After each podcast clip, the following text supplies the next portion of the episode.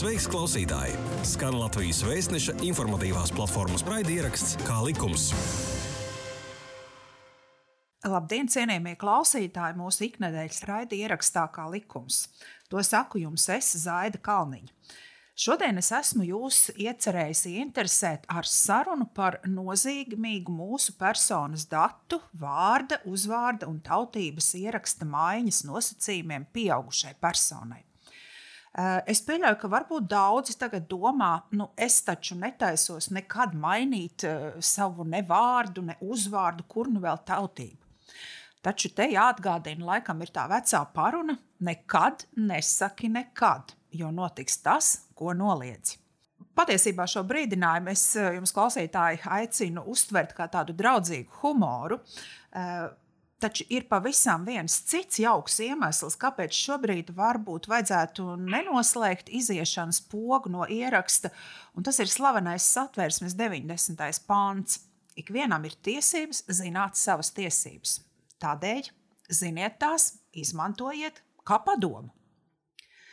Mūsu raidījuma ieraksta viesiņa šodien ir Tieslietu ministrijas dzimtsarakstu departamenta dzimtsarakstu nodaļas vadītāja Inga Upīta. Sveika, Inga! Dien. Uh, Inga, kā ir vai vārda, uzvārda un tautības maiņai ir tāds sezonāls raksturs, uh, kad, piemēram, varbūt vasarā to dara vairāk, vai citos gada laikos, kad ir pavisam mierīga dzīve, jeb jūs to nesat novērojuši? Jāsaka, ka šī laikam ir tā lieta, ko cilvēki, ja viņi dara, to viņi dara cauru gadu, un nu, nav tādas īpaši izteiktas uh, sezonālas iezīmes. Tā kā jā, to dara cauru gadu, vienlīdz, vienlīdz daudz, es teiktu. Un vasarās, kad notiek laulības, taču varētu domāt, ka tad varētu vairāk jums būt šo iesniegumu pieplūdumu bet jūs sakat, ka nē. Ja? Ar tām laulībām ir tā, ka būtībā jau uzvārdu persona nomainīt var stājoties laulībā. Un tad tas vairs nav saistīts ar teiksim, mūsu jomu un mūsu šīs dienas sarunas tēmu par uzvārdu maiņu saskaņā ar vārdu, uzvārdu un tautības ierakstu maiņas likumu. Uh, protams, arī pamatojoties uz šo likumu, var pēc tam vēlāk mainīt, ja laulības ceļā tas nav nomainīts. Bet, ja mēs runājam par to, ka vasarā un teiksim, rudens sezonā šīs noslēgtās laulības ir vairāk, tad uh, jau slēdzot laulības, personas pārsvarā gadījumā personas izvēlās mainīt uzvārdu jau tajā brīdī. Tad līdz mums te, šīs te uzvārdu maiņas nenonāk.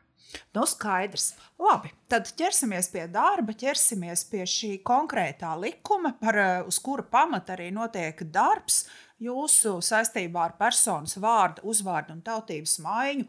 Un šī likuma otrais pants nosaka pavisam konkrētus septiņus iemeslus, kas dod tiesības pieaugušam cilvēkam mainīt viņa vārdu vai uzvārdu. Un starp tiem ir, tagad es viņus visus septiņus citēšu.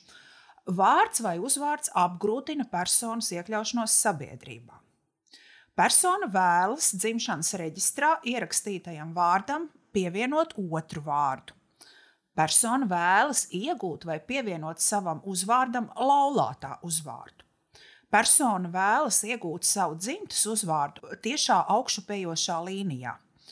Persona vēlas iegūt savu dzimto vai pirmslaulības uzvārdu personai ir mainīts dzimums, un persona vēlas iegūt mātes vai tēva uzvārdu. Inga, kuri no iemesliem, nu, tīri jau pēc statistikas, ir visbiežākie, kad uh, cilvēki maina vārdu vai uzvārdu atbilstoši šiem likumā septiņiem minētajiem? Neskatoties uz to, ka mēs tikko runājām, ka personām ir iespēja uzvārdu nomainīt, stājoties laulībā, uh, Ja tāpat tās biežākais iemesls, ar kuru mēs sastopamies, ir persona vēlas iegūt laulātā uzvārdu vai savam uzvārdam pievienot laulātā uzvārdu. Un dzimtas, ja vēlās iegūt dzimtas uzvārdu tieši augšupējā līnijā. Šādi iesniegumi nu, gada laikā ir aptuveni no 350 līdz 400 iesniegumiem. Un trešais biežākais iemesls ir apgrūtināta iekļaušanās sabiedrībā, Tur ir aptuveni vidēji 200 uh, iesniegumi gadā. Savukārt, ja mēs runājam par vārdu, tad uh, vārda maiņas, šis te, populārākais iemesls ir, ir arī apgrūtināta iekļaušanās sabiedrībā, un tie ir aptuveni 150 iesniegumi gadā.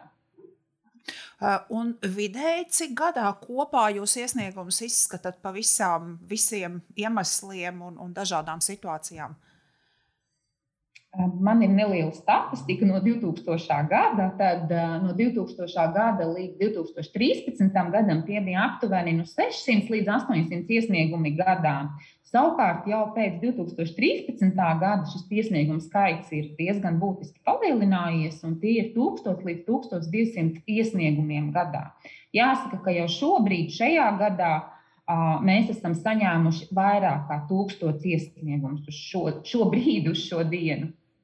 Jā, interesanti. Cilvēki ir kļuvuši pašapziņīgāki. Ar ko jūs to izskaidrot, šo iesniegumu skaitu pieaugumu?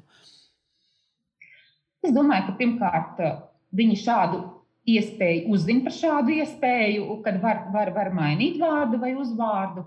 Ja mēs runājam par šo gadu, tad jāsaka, manuprāt, mēs tā novērojam, ka saistībā ar, ar šī brīža situāciju Uh, pasaulē un, un, un Covid cilvēki vairāk pievēršās varbūt tādām lietām, ko viņi citkārt varbūt ir atlikuši uz vēlāku laiku. Nu, tas ir mūsu vienīgais izskaidrojums, kāpēc nu, teiksim, šogad ir diezgan liels uh, vārdu uzvārdu maiņas uh, iesniegumu pieplūdums.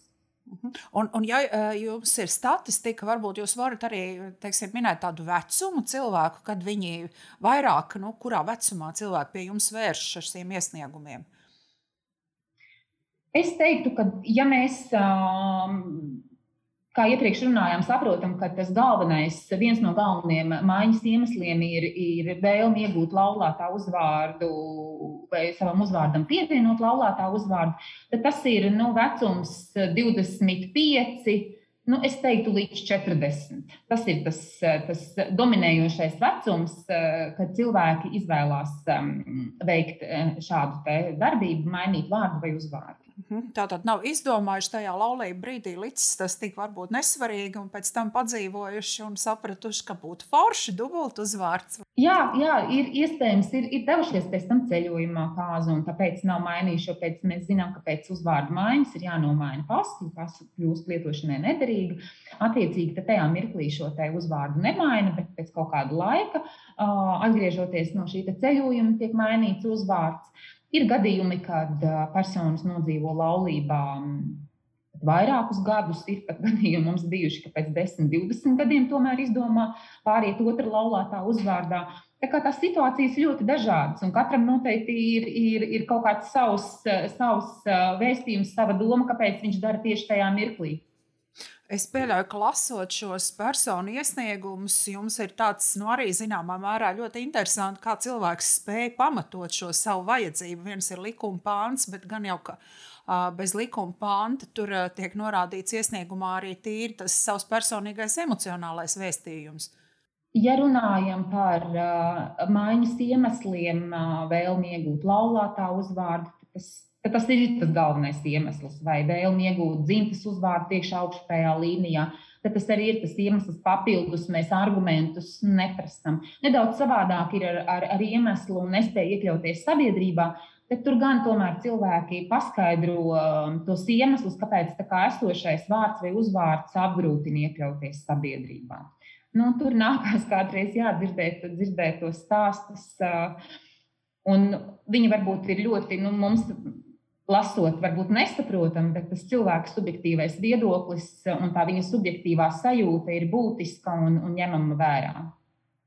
Jā, tas ir eh, laikam tiešām grūti saprast tā cilvēka sajūtas, bet eh, tas tādēļ jūsu darbs, manuprāt, ir īpaši tāds eh, cienījums, ka jūs ņemat vērā, kā es tagad dzirdēju, ja, šos subjektīvos iemeslus un pieļauju, ka atteikumiem ir jā, iemesls, kāpēc atsaka, tad ir būtisks, bet par to mēs runāsim.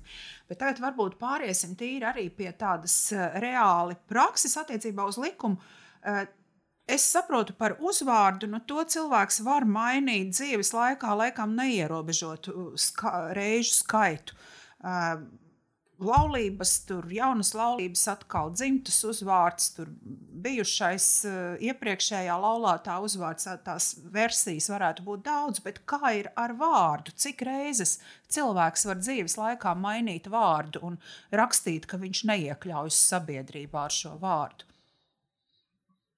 Arī ar vārdu ir līdzīgi, kā ar uzvārdu nav šis skaits ierobežots. Respektīvi, persona var mainīt vārdu vairāk kārt, eh, var apstākļi mainīties, un, un, eh, un ne, ir atkal radās šī subjektīvā vajadzība nomainīt mainīt personai vārdu. Un praksē mums arī tādi gadījumi ir, teiksim, eh, ir, ir cilvēks nomaina savu vārdu uz pilnīgi citu vārdu. Um, pēc kaut kāda laika um, grib pievienot otru vārdu, vai nu tas ir kristītais vārds, vai arī izdomāts vārds, vai, vai teiksim, ir arī citi gadījumi, kad persona nomaina savu vārdu, kādu laiku padzīvo to vārdu, un tomēr saprot, ka īsti nespēj sadzīvot ar to vārdu. Vai nezinu, apkārtējiem arī grūti pieņemt ir, un, un tas automātiski rada atkal kaut kādu diskomfortu. Cilvēks izdomā, ka nē, ka viņš tomēr atgriezīsies pie, tievā, pie tā vārda, mainīs atpakaļ uz to vārdu, kas jau bija, teiksim, iepriekš, kas tika dots piedzimstot. Jā, interesanti. Kāds varētu būt vecākais, no cilvēka vecums, vecuma ziņā vecākais cilvēks, kas ir lūdzis sev mainīt vārdu? Droši vien nevarēsiet tā ātri pateikt. Uh, precīzi nevarēšu pateikt, bet ir bijuši ļoti cienījami vecumi. Nu, tas ir tiešām ļoti cienījami. Ap 80 gadiem Oho. ir bijuši gadījumi, jā, kad ir maina cilvēki vārdu. Jā, nu tad tas ir ļoti ilgi briedis lēmums, varētu teikt. Jā, interesanti. Uh, Par dokumentiem. Es saprotu, ka ir speciāla veidlapa, kuru persona aizpilda, lai vērstos ar šo lūgumu mainīt tai vārdu vai uzvārdu. Bet kādi vēl dokumenti līdzās šai veidlapai iesniegumam būtu jāiesniedz? Iesniedzamie dokumenti nedaudz atšķiras no tā, kāds ir iemesls vārda vai uzvārda maiņai. Um, bet, ja visi fakti, personas dzimšana, laulība, ja ir nepilngadīgie bērni, uh, ja, tas, ja visi šie fakti ir, ir reģistrēti Latvijas dzimtrakstu iestādēs, tad būtībā pašai personai uh, nav jāpievieno nekas uh, no dokumentiem. Uh, Uh, nu, vienīgais, kā mēs zinām, ka vārdu uzvārdu maiņu ir maksājuma valsts nodeva, nu, tad ir maksājuma apliecinošais dokuments jāpievieno. Savukārt, ja kāds no faktiem manis minētajiem, pieņemsim, persona vēlās iegūt laulātā uzvārdu un laulība ir slēgta ārvalstīs, tad Latvijas dzimstrakstu iestādēm nav šī dokumenta, nav šī reģistra. Un, attiecīgi, arī mēs nevaram iegūt šo dokumentu. Tad personai pašai, protams, ir jāpievieno šis dokuments. Vai, teiksim, arī dokuments ir uh,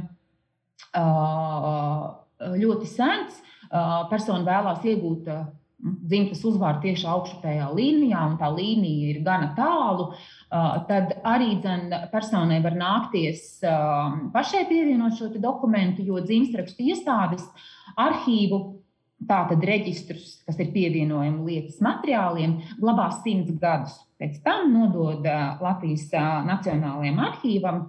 Un, attiecīgi, ja, ja šī, šī vēlme iegūt ir, ir un, un ir nepieciešams pievienot, uzvā, pievienot dokumentus, kas ir, un šie fakti ir reģistrēti senāk kā simts gadus atpakaļ, tad personai jāvar nākties doties uz Latvijas Nacionālo arhīvu, izprasīt, izprasīt izziņas, attiecīgi, kurās tad ir informācija par vēlamo iegūstamo uzvārdu, un tad ir jāpievieno lietas materiāliem.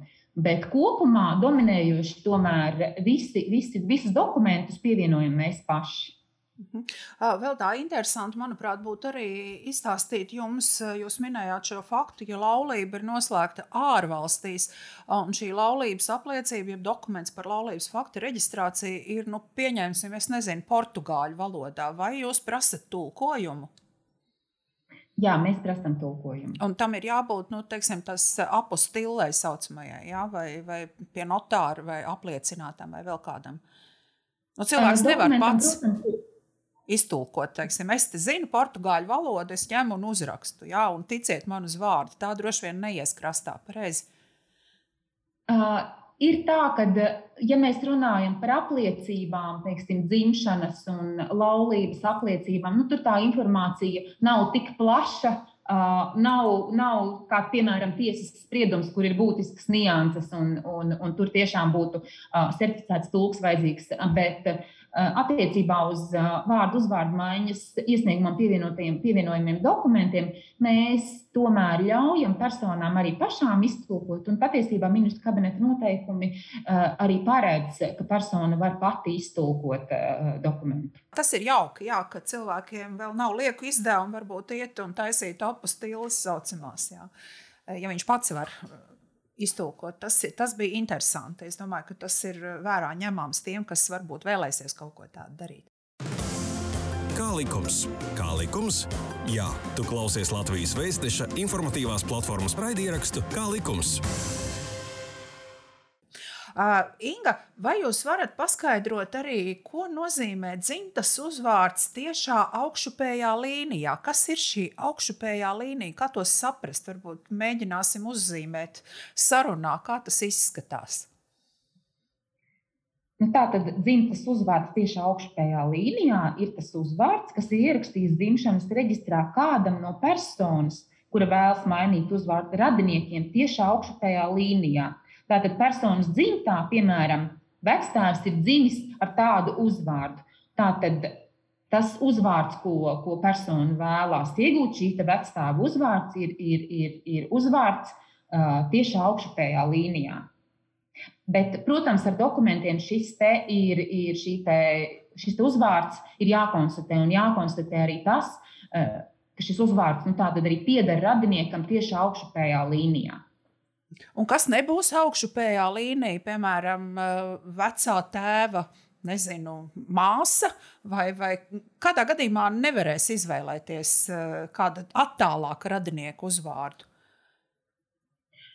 Uh, nu, tieši augšupējā līnija būs tāda vecvecāki, veci vecāki, visi, kas iet taisni mums uz atpakaļ. Jā, tā. Viss, jā. kas aiziet uz sāniem, tā jau vairs nebūs tiešā līnija. Un tādu nevarēs nu, tur eh, kaut kāds uh, vācu barons, varbūt ir bijis uh, kāds attāls radinieks, un, un nevarēs izdomāt cilvēks, ka nu, es paņēmu, es ļoti gribētu šo fonu sev pielikt klāt uzvārdam vai, vai vēl kaut ko. Kas nebūs tiešā līnijā, tāda iespēja netiek vispār izskatīta ja, uzvārdu maiņas gadījumā. Mm ja tas nebūs tieši augšupējā līnijā un to nevarēs konstatēt ar dokumentiem, jā, tad izdomāt vienkārši ar fonu, ne, jā, uzvārdu nevarēs iegūt. Nu, labi, nu skaidrs. Jūs teicāt, ka personai tas ir jāpierāda. Tad tas, acīm redzot, šeit ir tā, tā robeža šķirtne tie simts gadi. Un tad ir varbūt pat jāiet uz šīm baznīcas grāmatām vai vēl kaut kur, vai arhīvs, kā meklēt ja, šī pierādīšanas ceļš. Jā, tas galvenais, galvenais uh, virziens, kur personai visticamāk pēc tam doties, ir tomēr arhīvs. Arhīvā ir, ir nodotas, mēs nododam, glabājam simts gadus un attiecīgi nododam Nacionālajam arhīvam. Tātad Nacionālais arhīvs graba, glabā grāmatas. Nu, cik, nu, cik nu viņas ir saglabājušās tālu, tajā skaitā baznīcu grāmatas, uh, tās ir meklējums Latvijas Nacionālajā arhīvā. Mhm. Skaidrs. Uh, Sakiet, vai pastāv iespēja cilvēkam izvēlēties brīvi uzvārdu, kas, nu, nezinu, piemēram, nu, man patīk uzvārds gulbis, un es gribu uzvārdu gulbis, bet man ir kociņš. Un tas nav man tiešā augšupējā līnijā. Jā, personai pastāv iespēja izvēlēties brīvi uzvārdu, un tad šis te tā, tad, kā jau mēs iepriekš arī runājām, šis uzvārdu maiņas iemesls būs uh, nespēja iekļauties sabiedrībā, bet, kā jau arī iepriekš teicu, personai tā tad ir jāpamato, kāpēc, ar ko tad ir šī brīža grūtības, kāpēc ir šis šī brīža uzvārds kā, traucē iekļauties sabiedrībā, un tad jau šis jaunais uzvārds var būt brīvi izvēlēts nav nekādu ierobežojumu. Vienīgais, vienīgi ierobežojumi, kas tiek piemēroti šajās situācijās, ir, ka šim brīvi izvēlētajam uzvārdam ir jāatbilst par personu vārdu pareizrakstību nosacījumiem. Tā tad ir dzimumam atbilstoši valodni, latviešu alfabēta burtiem, tad nedrīkst būt neatļautie līdzskaņu dubultojumi, vai mm, teiksim, tās um, burtkopas, kas pēc uh, latviešu gramatikas nav, nav, nav pieļaujamas. Citu ierobežojumu nav.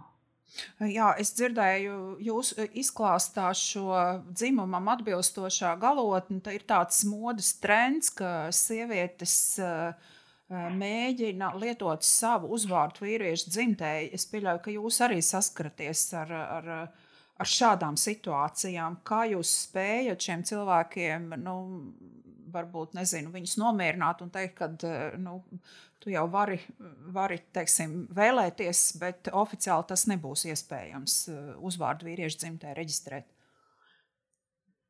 Jāsaka, ka arī šis jautājums ir normatīvi regulēts, un līdz ar to mums, mums šis pamatojuma atrašana nav tik sarežģīta. Ir ministru kabineta noteikumi par personu vārdu rakstību un lietošanu, Un tur ir diezgan sīki, smalki atrunāts gan, gan kādas konkrētam dzimumam var būt galotnes, kādi ir izņēmumi. Jo mēs zinām, ka ir arī izņēmumi, kad var būt šī galotne arī sieviešu, sieviešu sieviet, sievietei. Tas nozīmē, to, ka uh, latviešu, latviešu valodas gramatika ir gana sarežģīta un, un, un attiecīgi uh, mēs viņu piemērojam arī dzen, um, pie, pie uzvārda maiņas. Uh, līdz, nu, tad tas jautājums par to, ko jūs man vaicājat par, par to, kā mēs atrunājam personas um, un, un cenšamies viņām paskaidrot, kāpēc var to un nevar šo. Uh, Tad, tad tas ir normatīvais regulējums, kurā tas ir sīki un, un, un diezgan precīzi atrakstīts, um, un mēs, mēs šo normatīvo regulējumu ievērojam. -hmm. Uh, sakiet, vai uh, pievienojot savam uzvārdam laulātā uzvārdu, ir uh, jāsaņem laulātā piekrišana? Vai tā ir brīva izvēle? Nē, laulātā piekrišana nav jāsaņem. -hmm. Un uh, arī tādā situācijā, ja laulība tiek šķirta, vai uh, otrs uh, laulātais var iebilst, ka, ka piemēram, sieva uh, patur šo laulību uzvārdu? Šis gan nebūs jautājums, šo jautājumu gan neregulēs vārdu uzvārdu un tautības ierakstu maiņas likums, bet šādas situācijas, protams, var rasties šķirot laulību, un uh, civila likuma normas nosaka, ka uh, laulātais uh, var iebilst par to, ka šķirot laulību, otrs laulātais saglabā šo laulības laikā iegūto uzvārdu, bet, kā jau teicu, šis jautājums ir pakļauts tiesas kompetencei. Tātad tad ir jāvēršas tiesā, pie jums nevarēs vērsties. Tas ir saistīts ar eh, laulības šķiršanu, ar laulības šķiršanas procesu un, attiecīgi, arī eh, šķiršanās rezultātā paturēt laulātā uzvārdu vai, vai, eh, vai aizliegt paturēt saka, otram laulātam savu uzvārdu. Tas ir nesaistīts ar, ar uzvārda maiņas procesu, tas ir saistīts ar laulības šķiršanu. Tieši tāpatās kā um, laulājoties la, laulības ceļā, iegūstot laulātā uzvārdu. Tas ir laulības process, un šeit ir laulības šķiršanas process. Mm -hmm. Jā, sapratu, paldies. Sakiet, vai jums bieži nākas arī nu, personu iesniegumus noraidīt, un kādi ir iemesli, kad jums nākas tomēr atteikt vārdu uzvārdu maiņu? Jāsaka, ka tas šādas, šādi gadījumi ir maz. Gadā tie ir mazāk par desmit gadījumiem, un tas galvenais iemesls, kāpēc tiek atteikts eh, mainīt vārdu vai uzvārdu, ja personai ir spēkā sodāmība par noziedzīgu nodarījumu izdarīšanu. Šīs te, šis te nosacījums ir, ir, ir eh, noteikts likumā. Līdz ar to, ja šī sodāmība nav dzēsta un, un šī sodāmība ir spēkā, tad personai tiek atteikts mainīt vārdu vai uzvārdu. Mhm. Taču minētā likuma 8. pāns arī nosaka tādu iemeslu, ka vārdu uzvārdu un arī tautības ieraksta maiņa tiek atteikta, ja personas vārda vai uzvārda ieraksta maiņas iemesls neatbilst likuma otrā pantā minētajiem iemesliem. Vai varat minēt šādus iesniegumos norādītos neatbilstošos iemeslus no prakses?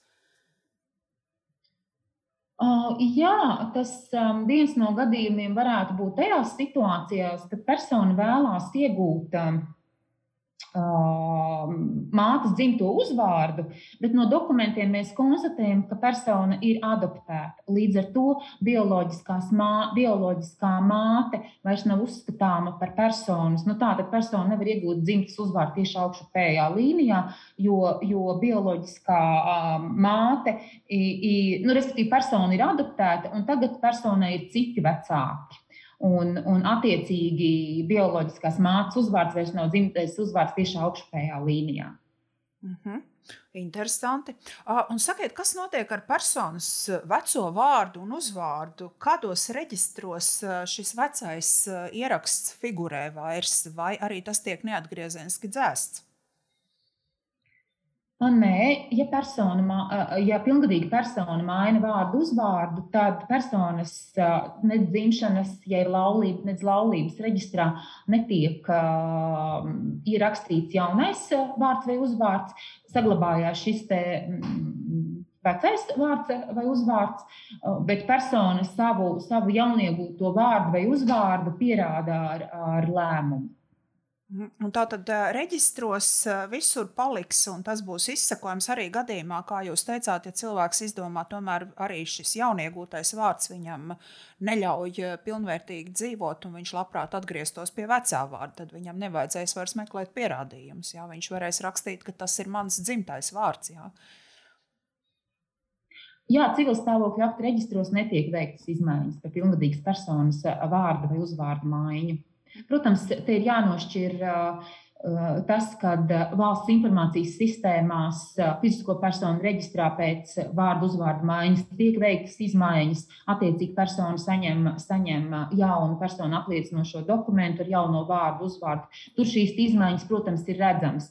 Bet uh, dzimšanas apliecībā un laulības apliecībā šīs jauniegūtais vārds uzvārds neatspoguļosies.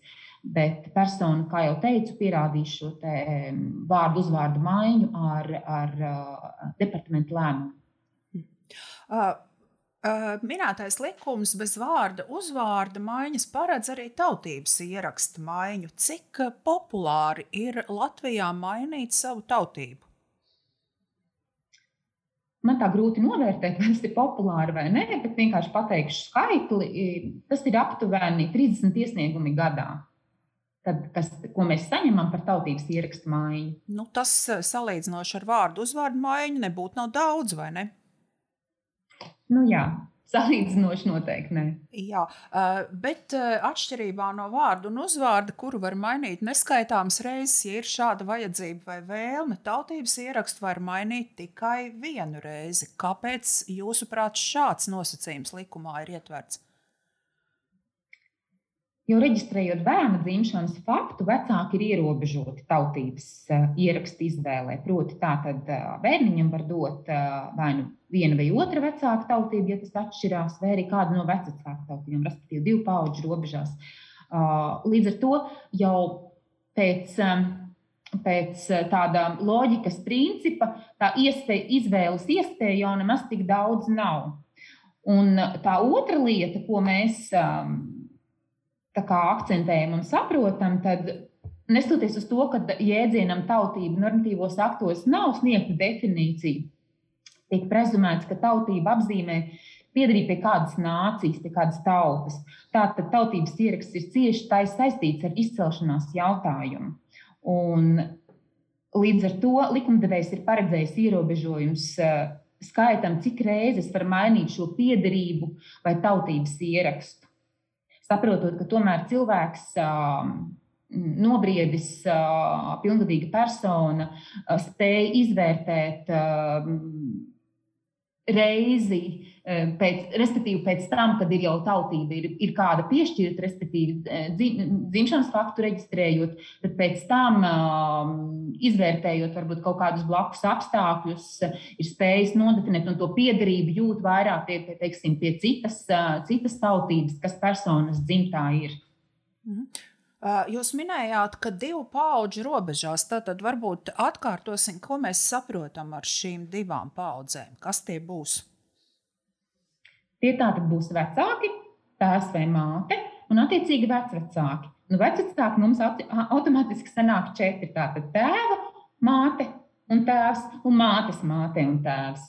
Tās būs divas paudzes. Mhm. Un to pauģu ietveros var pilngadīga persona saprast, ja ir tur kāda tautība, kam jūt šo piederību, tad uh, pilngadīgs cilvēks to var vienreiz nomainīt.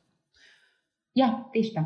Uh, likums paredz arī uh, bez tautības latvietis uh, izvēlēties tautību lībietis.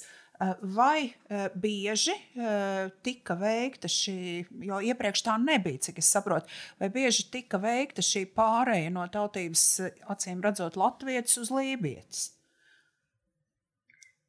Nu, šādi iesniegumi tiek saņemti, es teiktu, pavisam reti. Tie ir nu, plus mīnus divi iesniegumi gadā. Uh, jā, un uh, manuprāt, ka šobrīd Latvijā ir uh, tāda populāra savas nacionālās piedarības uzsvēršana, un to varētu attiecināt Latvijā, ir arī novads Latgale, un, un, un latgalieši ļoti šobrīd savu piedarību Latgalē vēlas uzsvērt, un patiesībā tas ir arī cienījumi, taču likums neļauj ierakstīt viņiem tautību latgalietis pirmām kārtām jājautā, kāpēc. Pieļauju, ka pie jums arī vēršās ar šādiem iesniegumiem cilvēki, un, un kā, jūs, kā jūs šiem iesniegumam atbildat? Jāsaka, ka iesniegumi mums tādi nav bijuši, bet konsultācijas un jautājumi mums ir bijuši. Un tā pamata atbilde tomēr ir tāda, ka, kad ar ministru kabinetiem ir, ir apstiprināts tautību klasifikators un kas dzimstrakstu departamentam pieņemot lēmumu par tautības ierakstu maiņu, ir jāņem vērā.